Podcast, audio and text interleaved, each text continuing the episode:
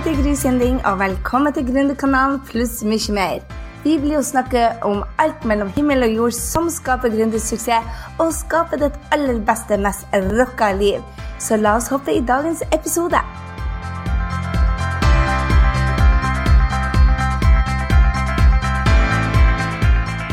Hei, dette er Gry, og velkommen tilbake til Gründerkanalen. I dag skal du få møte ei dame som har gjort meg og hele Norge mer fargerik. Jeg møtte Dagny i vinteren 2013, og hun gjorde noe både med meg og klesskapet mitt. Jeg tenkte det at jo mer grå jeg var, og sort og beige, jo mer kunne jeg være meg selv, fordi det ble så mye ut av meg fra før jeg har så mye jeg skulle ha sagt, jeg har så mye som jeg skulle ha delt. Så jeg tenkte at hvis jeg gjemte meg litt bort, så ble det litt mindre ut av meg. Den funka ikke helt. Dagny mente det at jeg gjorde folk mer munter og glad og fikk mer ut av meg ut i verden hvis jeg kledde meg i farge som også var litt mer inspirerende enn å gjemme seg bort. Og det gjorde jeg, og det stemte. Jeg ble gladere, kundene mine ble gladere, og selv folket i nabolaget mitt er begynt å kommentere om at jeg gjør dem i bedre humør med å kle meg fargerik. Så jeg vil at du skal bli superinspirert til å kanskje ta bort én sort eller én beige genser i dag, når du hører hva Dagny sier om hva det egentlig gjør med humøret vårt. Så la deg inspirere. Her er Dagny Turman Moe. Tusen takk for at du ville stille opp igjen, Dagny. Det er kjempehyggelig. Du, fargerike Dagny. Du fikk den tittelen i fordi at du var i Fargerike, egentlig, men også fordi at du var Var du fargerike før Fargerike Dagny, holdt på å si? Eh, jeg har jo alltid vært fargerik. Ja. Eh, men det ordspillet med å bruke det dobbelt opp når jeg jobbet ja. i Fargerike også, det kom, jo, det kom, jo, når jeg jobbet der. Ja. Men det var gøy fordi det passet både fordi jeg jobbet der, og fordi det er et ord som veldig mange bruker for å beskrive meg på. Da. Ja, For du har ingen eh, svarte og grå og hvite klær, du? Jeg har noe hvitt, men ikke noe sort, grått eller beige. Og hvorfor? Fordi det får meg og de aller fleste andre til å se grå og gusten ut i ansiktet. Eh, så det er, en farge folk flest ikke kler. da. Eh, og jeg ser jo det veldig godt på meg selv at jeg ikke kler det. så det er ikke noen grunn for meg å, å bruke de, egentlig. Det å, å, tørre å vises, for man vises jo når man har farge, det er litt skummelt for mange. Ja, men egentlig burde det jo føles tryggere, tenker jeg. Eh, det er jo viktig at folk ser deg og ser det budskapet du ønsker å kommunisere, og legger merke til deg som person. Eh, jeg er veldig opptatt av å fremheve øynene.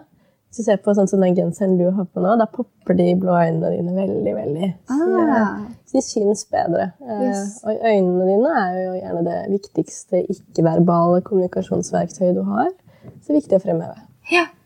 Når, eh, når, du sto på scenen i Skap din drømmejobb-eventen for to år siden, flyr, så snakka du om at hver farge betydde noe.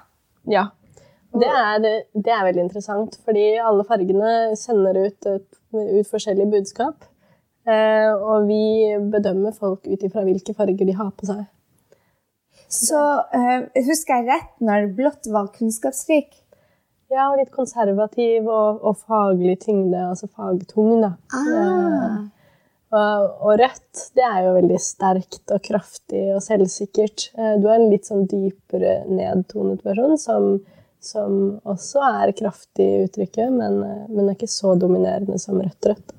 Så når vi skulle da eh, ha nye bilder til websiden, så skulle vi gå for en mer til USA. Mm. Så ønska vi å være mer business aktig side. Og da hadde vi menn kledd i sorte dresser og meg i knallrød kjole. Bra. Og kontrasten ble bare wow. Det er jo en enorm kontrast, og det synes jo veldig godt. Det, jeg husker et lignende bilde av Angela Merkel, hvor hun står omgitt av en haug med, med sortkledde uh, herrer, politikere, og så står hun i en gul uh, dressjakke Og du ser jo bare henne, og de andre ser ut som servitørene. Yes! Ja. Jeg elsker det. Det var inspirert av det bildet. Det var det, ja. Så bra. Ja, Jeg syns det bildet er fantastisk. Det er jo det. Du hadde det på den presentasjonen, og da fant jeg fram det bildet. Og sa det noe av dette unntrykket vil vi jo ha, hvor liksom de andre ser ut som statister. Ja, men Det er jo akkurat det de gjør, og det er jo det som er det som ja, Jeg vil si det er kanskje det mest negative med å kle seg i sort spesielt, da, for det ser ut som en uniform.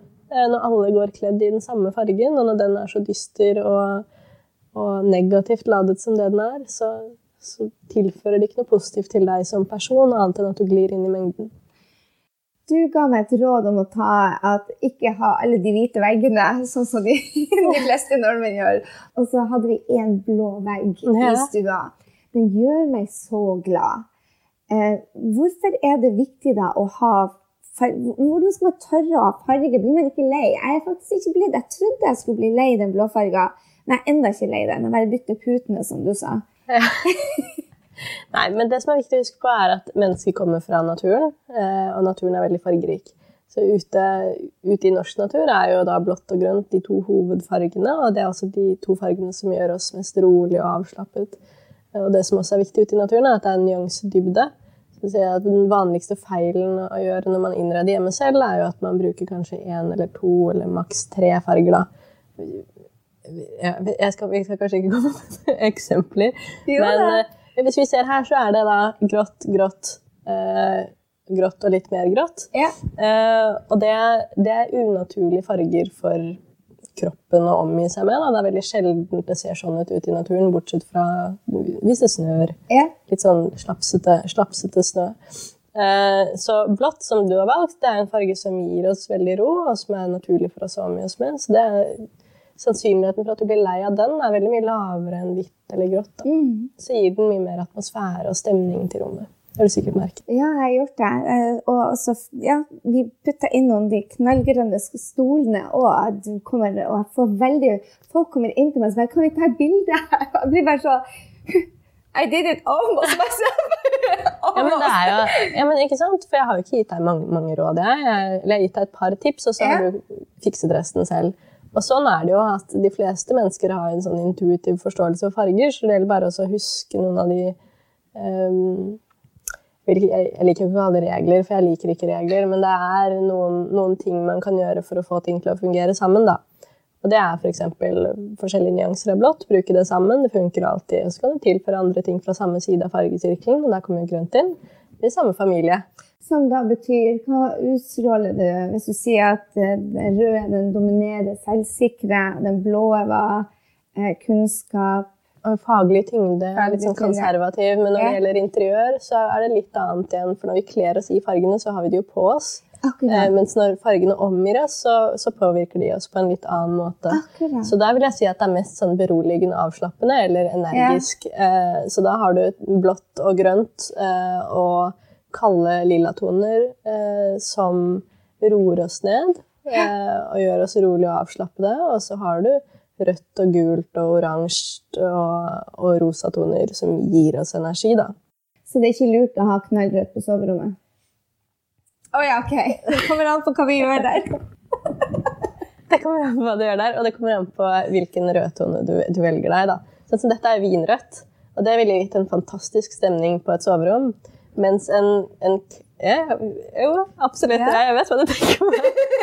Du vet hva jeg tenker Ja. på. Du så det? Hvis du hadde, men hvis du hadde malt eh, soverommet ditt knallrødt, så hadde du mest sannsynlig ikke fått sove. Eh, så det kommer veldig an på hvilke nyanser du velger. Sånne, sånne dype lilla toner og sånne ting er også veldig bra. Men så har du også disse sarte lavendeltonene, dusblått, dusgrønt, som gir veldig gode forutsetninger for søvn.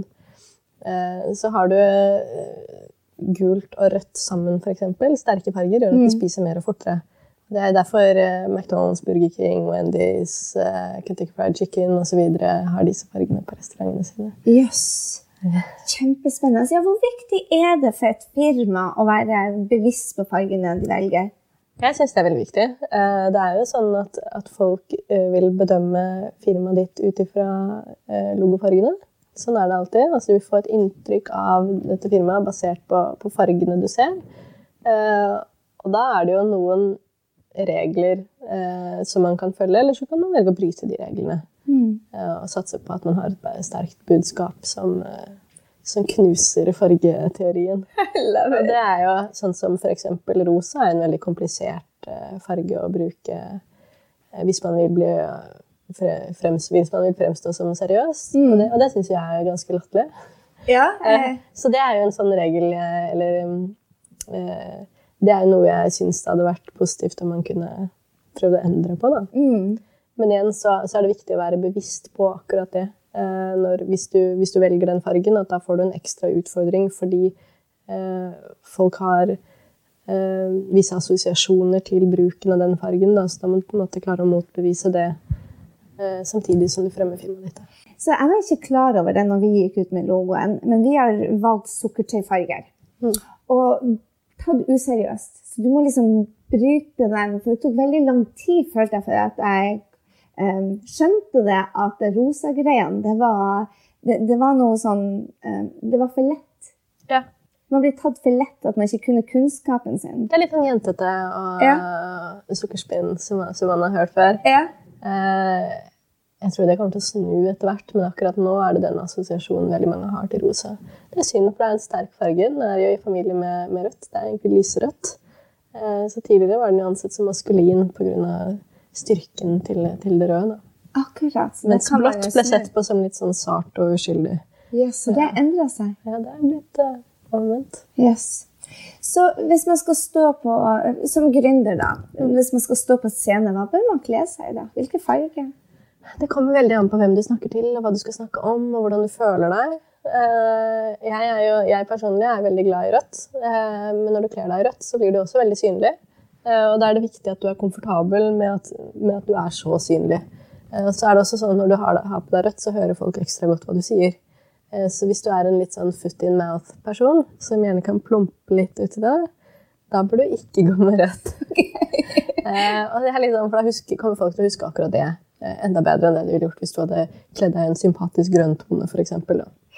Så Jeg, jeg, jeg har tenkt veldig mye på det. Så når jeg går på scenen, så har jeg på meg blått eller grønt stort sett, eller gult. ja, Hvis jeg skal løfte humøret. humøret. ja. Veldig sjelden rødt etter den foten i munnen, for det klarer jo jeg bestandig å gjøre. Ja, men det er, eh, det, er noe i det, altså. Ja. Eh, og det er jo det altså, du fremstår som roligere og mer profesjonell når du da går i spesielt eh, blått, blått og grønt. Har du vært alltid så interessert i farger? Ja, Ja. Vi er jo egentlig, altså Alle er jo født med en eh, iboende interesse for farger. Alle barn er interessert i farger. Jeg har jo to, barn, to døtre som er eh, seks og syv. Eh, og jeg har jo deres venner på besøk veldig ofte, og vi har mye gode samtaler om farger. Så alle, alle kan mye om farger fra fødselen av og har en veldig sånn sterk intuitiv forståelse for hvordan de fungerer og, og hvem man skal bruke når. Og sånne ting. Og så blir man avlært etter hvert som man begynner å Hvordan blir vi avlært? skolen, og det er, det er jo disse velmenende rådene om at du skal velge trygt, og det trygge er alltid hvitt, eh, grått eller beige eller sort. Eh, Så det gjelder jo både på garderobe, og det gjelder på interiør, og det gjelder bilpark, og det gjelder husfasader. Eh, Så man blir jo lært opp til å safe, da. Og se like ut som alle andre. Når jeg tenker på det, så Ungene de har alltid villet kledd på seg sjøl. Og de har jo alltid valgt de mest fargerike klærne bestandig i skapet sitt. Fordi det er godt for oss. Ja. Vi trenger det. Ja. Mens nå går hun på en skole hvor eh, uniformen er svart og grått. I know. Og de er så nytenkende på alt. Ja, alle ser like ut. Ja. Ja. Så, men de er veldig redd for å skille seg ut. Altså, det, jeg tror de har valgt det pga. at de er redd for motepresset. Ja, Men de og- kunne og da jeg- valgt noen andre farger. Og jeg skjønner jo, jeg forstår jo det. Eh, samtidig, jeg så faktisk en dokumentar i går som handlet om hvordan skolesystemet dreper selvstendig tenkning og kreativitet.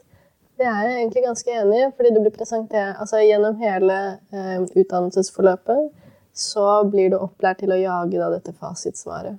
Du skal finne det riktige svaret på alle oppgavene du gjør, og det fremmer ikke kreativ tenkning i det hele tatt. Eh, så man blir jo Avlært. lobotomert.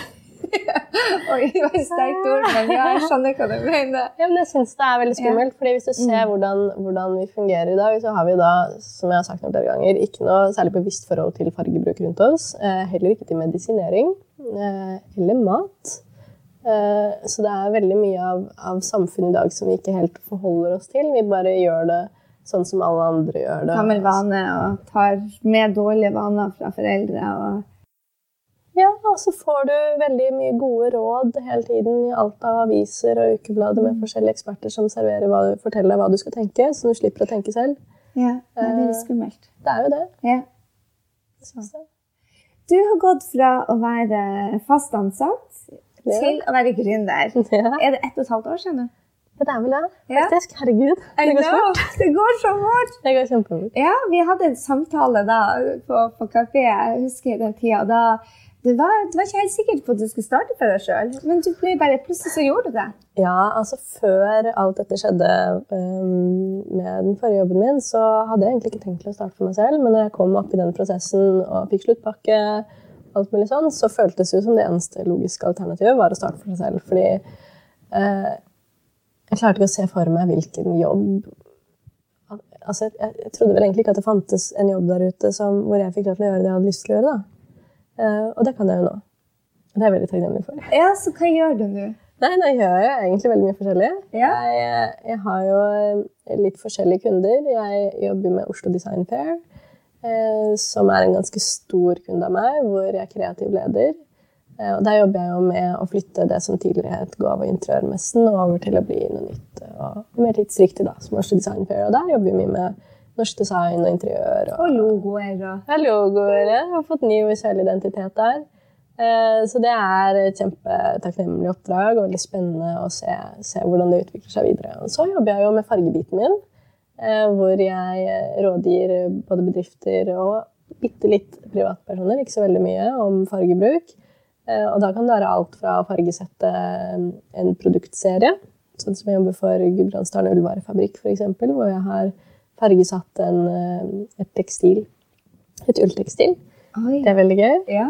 Eh, Jeg kommer også med eh, veldig spennende produkter for Magnor Glassverk til neste år. Det er ikke klart ennå, så jeg kan ikke helt si hva det er. Eh, og så har jeg fargespalten min i Boligpluss. Eh, og så skal jeg skrive. Å, Bo! Gud, så spennende! Ja, det er kjempespennende. Oi, så gøy! Ja, så jeg har veldig, veldig, mange, veldig mye på tallerkenen min nå, og jeg liker det veldig godt. Jeg får jobbe med ting som er utrolig forskjellige. Og du har vokst fort. Guri malla, du har allerede ansatte, og det går så det griner. Og ja, har det bare vært oppturer dette året da? Jeg syns vel egentlig Ja. det. Altså, det, har vært, det har vært veldig fint, og vi har jo jobbet med et ganske sånn krevende prosjekt. Um, og jeg syns det har gått over all forventning. Altså. Ja. Jeg føler meg veldig sånn rolig og glad, egentlig. Og, og jobbe, kommer til å jobbe mer nå med å spisse, spisse konseptet mitt enda mer, da. Så hva er det beste som skjedde i 2015 for deg? I år Ja.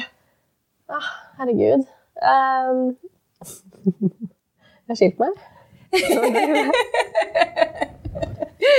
Eh, det er på godt og vondt, da. Ja. Men, men, eh, men det har vært veldig, veldig God prosess. en god prosess, det vil jeg si. Eh, Jeg har det på en måte veldig bra personlig. Ja. Og så er jeg veldig glad for alle de oppdragene jeg har. Jeg har fått lov til å fargesette tekstilet for Gudbrandsdalen Ullvarefabrikk, som har vært kjempestas for meg. Jeg har jo ikke laget fargekolleksjoner på kjempelenge. Jeg vet det, og jeg, jeg, altså, det gir meg en sånn ordentlig, ordentlig sterk glede å sitte og lage fargeballetter. da. Jeg synes det er kjempespennende. jeg har sett deg. Du bare ligger student og Ja, ja, ja. se. Å, så fint! Ja, det, det syns jeg er veldig veldig, veldig spennende. Så det har vært, eh, det har vært eh, utrolig morsomt. Og så er det dette hemmelige prosjektet for Magnus, som er superstas. Jeg er veldig glad for at jeg får lov til å gjøre sånne ting som er utrolig kreativt. Så jeg, jeg må jo si at det er veldig veldig mange ting jeg er takknemlig for i livet mitt i dag. Så jeg vet ikke om Jeg har mange høydepunkt. Mm. Jeg koser meg veldig i hverdagen. Så jeg vet ikke om jeg kan plukke ut én ting som er sånn ah, Det er heller mange ting til sammen som utgir Har du, hva er de største planene dine da, som du ser frem til i 2016? lanseringer. Det er veldig gøy. Ja. Jeg har flere prosjekter som skal lanseres da. Eh, Jeg har eh, booket en eh, inspirasjonstur til den engelske countrysiden i, i mars. Det gleder jeg meg også veldig til. Um, jeg, jeg, er veldig glad i hverdagslivet. på en måte. Da. Jeg Mm. liker hverdagen og jeg liker å på en måte, jobbe og pusle og holde på med mitt. Jeg tror det at hvis du har en god hverdag med farger, så, Ja. eller hverdagen blir bedre med farger. Ja. Eh, Etter jeg begynte å kle meg i farger, så sier alle til meg i New York at de blir så glad når de ser meg. Har du sett dokumentaren om Iris Apfel? Nei. Det må jeg gjøre. Ja, det var det. Den er på Netflix nå. Iris Apfel hun er jo et slags moteikon. Eh, hun er eh, 94 år gammel nå. Ja. Og hun er New Yorker. Jeg syns hun er helt fantastisk. Hun er, bare, hun er veldig eksentrisk og Ja. veldig mye farger. og Hun er veldig inspirerende. altså. Hun var gift med Carl, som ble 101 år gammel. Oi, gud, så kult. Bare hennes tilnærming til farger. Hun er sånn 'Color can raise the dead'. Det er. Oh, yeah. Ja. Kept him alive in 101 years. She proved it. Og han var så forelsket Åh. frem til helt det siste. Wow. Ja. Jeg skal legge linken ut til den under her, så folk får se det nå. ja, det må du gjøre. Men Ja. det var eh, Nei, for meg må jeg si at jeg gleder meg mest over hverdagene og Mm. tiden med barna mine og jobben. og Det er på en måte det som er høydepunktene nå. Og så har du på en måte sånne små peaks innimellom med lanseringer og nye produkter som kommer og, og sånne ting. Men jeg liker hverdagen, altså. Så hva er den største forskjellen da fra fast ansatt til gründer? Et sånt standardspørsmål jeg har for mange er jo veldig hva Er, er gründerlivet oppskrytt? Nei, det syns jeg virkelig ikke. altså. Eh, Det, er, det jeg syns er kjedelig, det er regnskap. Det liker jeg ikke. Nei. Nei. Det setter ut. Ja, jeg gjør det. Men jeg må jo på en måte la, gjøre bilagene. da. Jeg liker ikke det heller, så det bruker jeg mest tid på å grue meg til. så det er vel kanskje det jeg liker minst. Eh, Men eh, jeg syns jo at det beste er den friheten jeg har, og at jeg styrer hverdagen min og livet mitt selv og tar de viktige beslutningene selv og velger selv hva som er viktig. og Jeg velger selv hva jeg vil jobbe med. Jeg kan prioritere og organisere og på en måte utvikle eh, på egen hånd. Nå har det vært, jeg har vært heldig som har hatt veldig mye å gjøre fra dag én. Eh, så det jeg ønsker å gjøre nå, er på en måte å ta et skritt tilbake og samle meg litt. Og, og forbedre og spisse. Så du er mamma til uh, to nydelige jenter, by the way. Herregud, Ja. de er så nydelige. Og så forskjellige. Jeg vet det. Helt fantastisk, ja. Eh, men de, de er små ennå, og er krever sin, uh, sin greie. Hvordan er det å være Nå er du alene med dem òg, i hvert fall halvparten av tida. Hvordan er det å være alenemamma med to, og gründer og to små Så det går dronninger? veldig fint. Jeg veldig, har alltid vært veldig opptatt av work-life balance. Eh, Så de ukene hvor jentene er hos pappaen sin, jeg er en fantastisk god pappa, eh, så jobber jeg lengre dager. Eh, Og når de er hjemme, så slutter jeg på jobben klokken to-tre-tiden.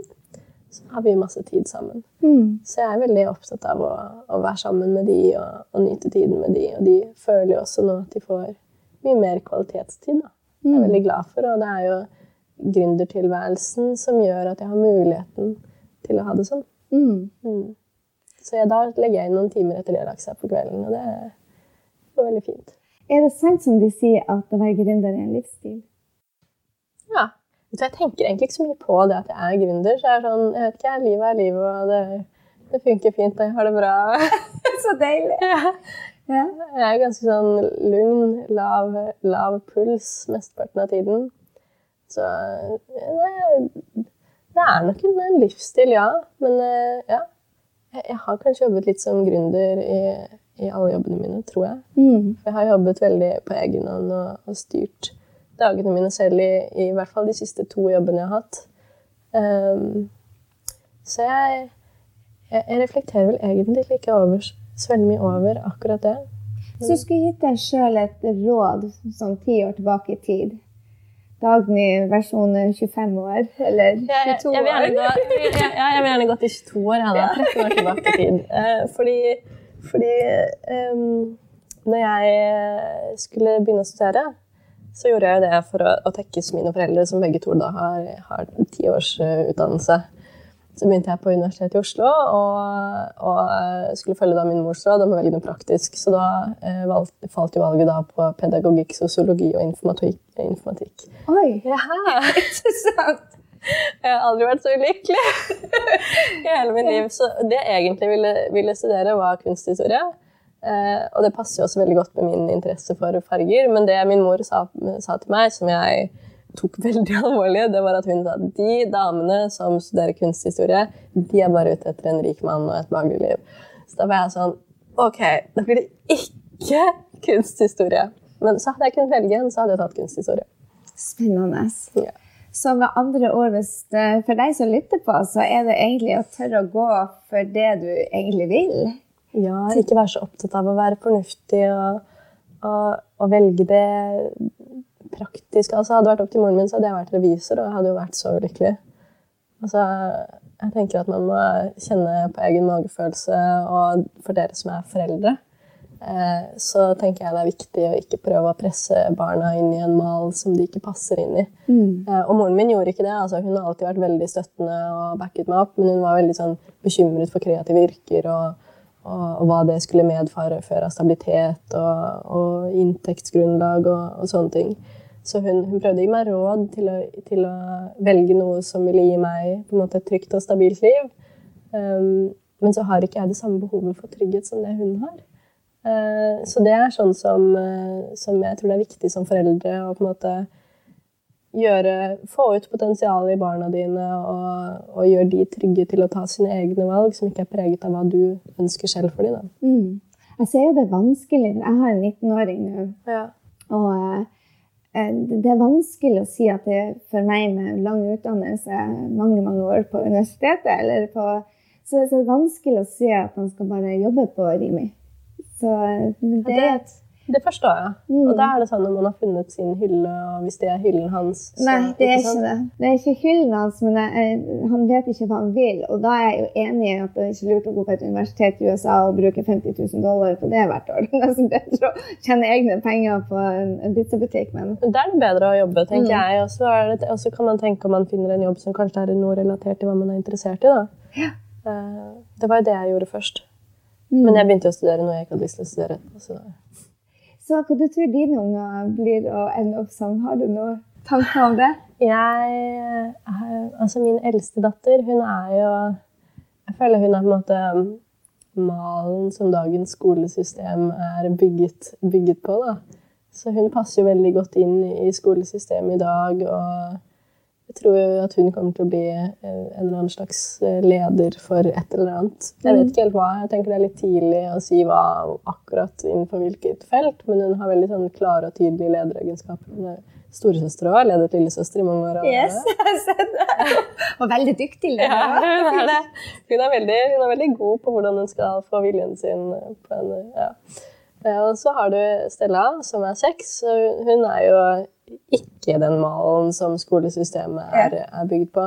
Hun er litt all over the place. Stella er veldig kunstnerisk. Eh, og hun eh, ble vel faktisk seks år før hun lærte seg å synge en sang med de riktige ordene. Fordi hun lærte seg ofte melodien, og så fant hun på teksten selv. Skjønte jo ikke poenget med å Synge andre sanger. Ja, hvorfor skulle hun gjøre det? Så det er sånn at når hun begynte å skrive, så lagde hun mønster og sånn, altså, De bokstavene hennes er noe av det mest fantastiske jeg har sett. Så, um, mens de andre barna går på hiphop og fotball og håndball og sånne ting, og Stella på malekurs. Og det syns hun er helt fantastisk. Hun vil gå på tegnekurs etter malekurset. Um, jeg er veldig opptatt av at de ikke skal gå på for mye aktiviteter, men jeg ser jo at hun har jo noe veldig sånn sterkt kunstnerisk i seg, og hun er uh, hun har en litt sånn annerledes personlighet, og jeg er veldig redd for at hun skal miste det i, på skolen nå.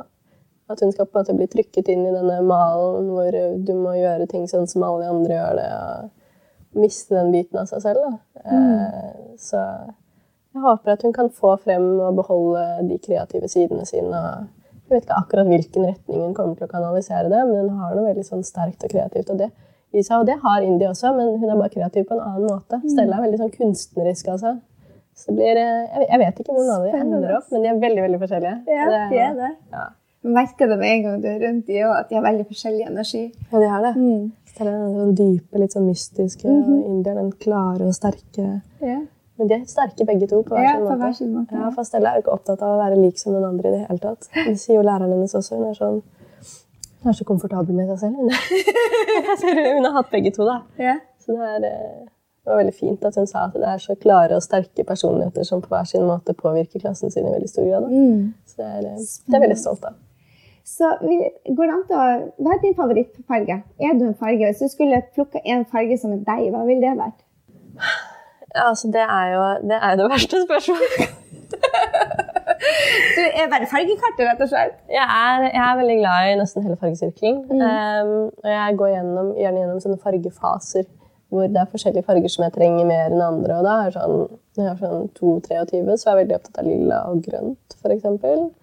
Uh, men det er farger som jeg på en måte har med meg i garderoben min i dag. For jeg, altså garderoben min er jo 20, 20 år gammel. Yeah. Um, og så har jeg rødt, er jeg veldig glad i. Mm. Uh, blått har jeg mye av. Så du kan si at det er grønt, blått og rødt som er på en måte hovedpilarene kan du si, i garderoben min. Jeg er veldig sånn automatisk begynner å snakke om, om klær. Men uh, vinrødt er jeg veldig glad i. Ja. Altså, jeg er jo Masse oransje ser jeg. Oransje. Og det er jo også litt sånn korallfarger. Jeg syns det er veldig mange deilige farger. da. Og i høst har jeg vært veldig på litt sånn konjakkfarger og sennep og Så har du gull. Gull, ja. ja. Kanskje fine gull. Fjærbelte. ah, det får jeg så mye kommentarer Ja, jeg elsker det. Jeg er veldig glad i det. Jeg liker litt sånn store, rare, rare tilbehør. Rar tilbehør. Nei, men jeg, jeg, må jo si at jeg er veldig glad i hele fargesirkelen. Det kommer helt an på dagshumør. og mm. Sånn som i dag er litt sånn litt halv, halvklein, og da var det sånn godt å ha på seg litt blått. da. Ja, Så du, du, bestemmer ikke dagen før hva du skal ha på deg? Nei. Nei. Bruker fem minutter om morgenen på å slenge sammen et eller annet. Det er helt Så utrolig. Tusen, tusen takk. Dere må se Instagram-kontoen til Dagen. Så den legger jeg inn som en link her, for den er bare helt rå. Så jeg håper at du har lært masse også, som jeg har lært at rosa blir du faktisk tatt litt useriøs ut av. Det er så dumt. Det er så dumt, så la oss snu det. Les boken til Katrine Aspaas. Yes, Katrine, jeg har lest den, og Katrine kommer i morgen. Ja, hun gjør det? Mm. Men det er fint. Tusen, tusen takk, Dagny. Det var altså Dagny Turman Moe. Jeg håper det at du digger denne dama like mye som meg. Og gi jo gjerne tilbakemelding om hvilken endring du skal gjøre på klesskapet ditt for å inspirere deg sjøl, gjøre hverdagen gladere for de rundt deg. Du finner Dagny på grysynding.no slash 22. Der vil du finne Dagny sin eh, video også. Så har du lyst å gå inn og legge en kommentar både til meg og Dagny, så gjør gjerne det. Jeg er så utrolig glad for at du er her på Gründerkanalen. Ha en strålende, strålende, strålende julefeiring. Og så ses vi snart igjen. Jeg håper du ble superinspirert til å ta nye action etter denne episoden av Gründerkanalen pluss mye mer. Gå nå til grysynding.no og legg igjen en kommentar på denne episoden om hva du tar med deg. Jeg vil gjerne høre fra deg og få mer gründertrening på skapdindrømmejobb.no. Glem heller ikke å abonnere, sånn at vi treffes neste gang på Gründerkanalen pluss mye mer. Ha en fantastisk dag, så høres vi.